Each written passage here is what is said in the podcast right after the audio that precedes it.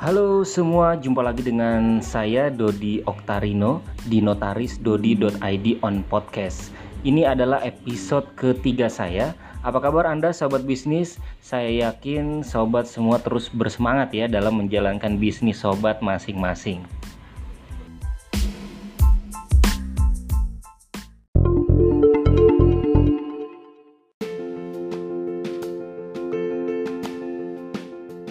Masih di notarisdodi.id on podcast. Episode ini dikhususkan sebagai sesi tanya jawab ya.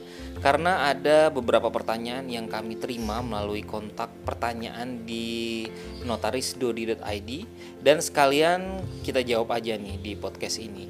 Untuk sobat bisnis yang ingin bertanya mengenai hukum, bisnis atau hukum bisnis, bisa mengunjungi website kami di www.notarisdodi.id. Baik, hari ini di 6 Maret 2020, ini dia tanya jawab hukum bisnis bersama notarisdodi.id.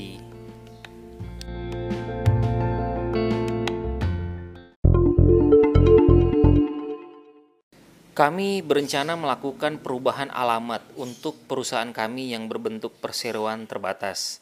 Bagaimana langkah untuk melakukan perubahan tersebut? Oke, jawabannya.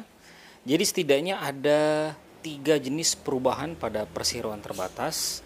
Yang pertama adalah perubahan anggaran dasar yang memerlukan persetujuan menteri. Sehingga dokumen akhirnya adalah surat keputusan menteri tentang persetujuan perubahan anggaran dasar tersebut. Perubahan seperti ini misalnya merubah pasal 1 tentang nama dan kedudukan atau pasal 3 tentang maksud dan tujuan PT serta perubahan-perubahan pada struktur modal. Yang kedua, perubahan anggaran dasar yang tidak memerlukan persetujuan menteri, namun tetap harus dicatatkan di data perseroan Kementerian Hukum dan Hak Asasi Manusia sehingga dokumen akhirnya adalah surat keterangan Kemenkumham yang menerangkan bahwa perubahan tersebut sudah dicatatkan di data perseroan Kemenkumham. Perubahan seperti ini jika dilakukan terhadap pasal-pasal yang tidak berkaitan dengan nama, tempat kedudukan PT atau struktur modal. Ketiga adalah perubahan data perseroan yang dokumen akhirnya adalah sama dengan perubahan kedua yang tadi saya sebutkan, yaitu surat keterangan dari Kementerian Hukum dan Hak Azazi Manusia. Surat keterangan tersebut menerangkan bahwa perubahan tersebut sudah dicatatkan di data perseroan Kemenkumham. Perubahan seperti ini misalnya merubah data pengurus, pemegang saham, atau alamat perseroan terbatas. Oke, kita kembali ke pertanyaan tentang merubah alamat. Pertama-tama, pastikan dahulu perubahan alamat tersebut hingga berpindah kabupaten atau kota atau tetap di dalam kabupaten atau kota saat ini. Misalnya, saat ini alamatnya di Kecamatan Tiga Raksa, Kabupaten Tangerang, akan dirubah ke Kecamatan Legok, masih di Kabupaten Tangerang. Maka, contoh ini masuk kepada kategori ketiga yang cukup melakukan perubahan data. Namun, jika perubahan alamat tadi ke Kebayoran Baru misalnya di kota Jakarta Selatan, hal ini termasuk kepada kategori pertama yang memerlukan persetujuan menteri.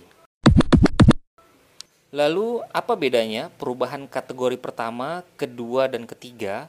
Secara teknis, ketiga hal tersebut berbeda, tentu saja metode pengerjaan dan biaya yang dikeluarkan pun akan berbeda. Baik, sobat bisnis, semoga jawaban saya cukup jelas ya. Lalu, seperti apa tahapnya? Baik, sobat bisnis, catat ya tahapnya langkah demi langkah. Langkah pertama adalah melakukan rapat pemegang saham yang agendanya merubah alamat dari mana ke mana gitu kan. Kemudian hasil rapat tersebut dibuat notulensi serta di dalam notulennya diberikan kuasa kepada seorang personil perusahaan untuk membuat pernyataan nantinya di hadapan notaris. Kemudian kemudian langkah kedua yaitu membuat pernyataan di hadapan notaris sehingga notaris dapat membuat akta yang isinya sama dengan notulen yang dibuat di awal.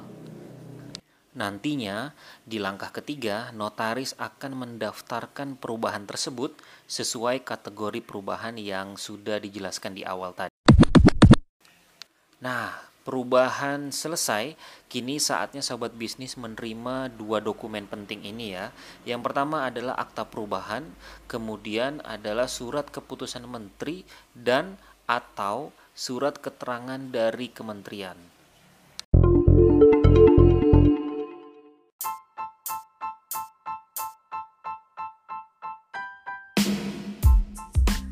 Oke, sobat bisnis, demikian yang dapat kami sampaikan yaitu menjawab pertanyaan tentang perubahan pada perseroan terbatas.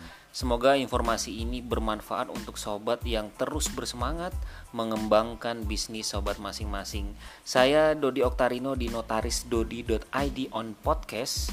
Mohon undur diri. Wassalamualaikum warahmatullahi wabarakatuh.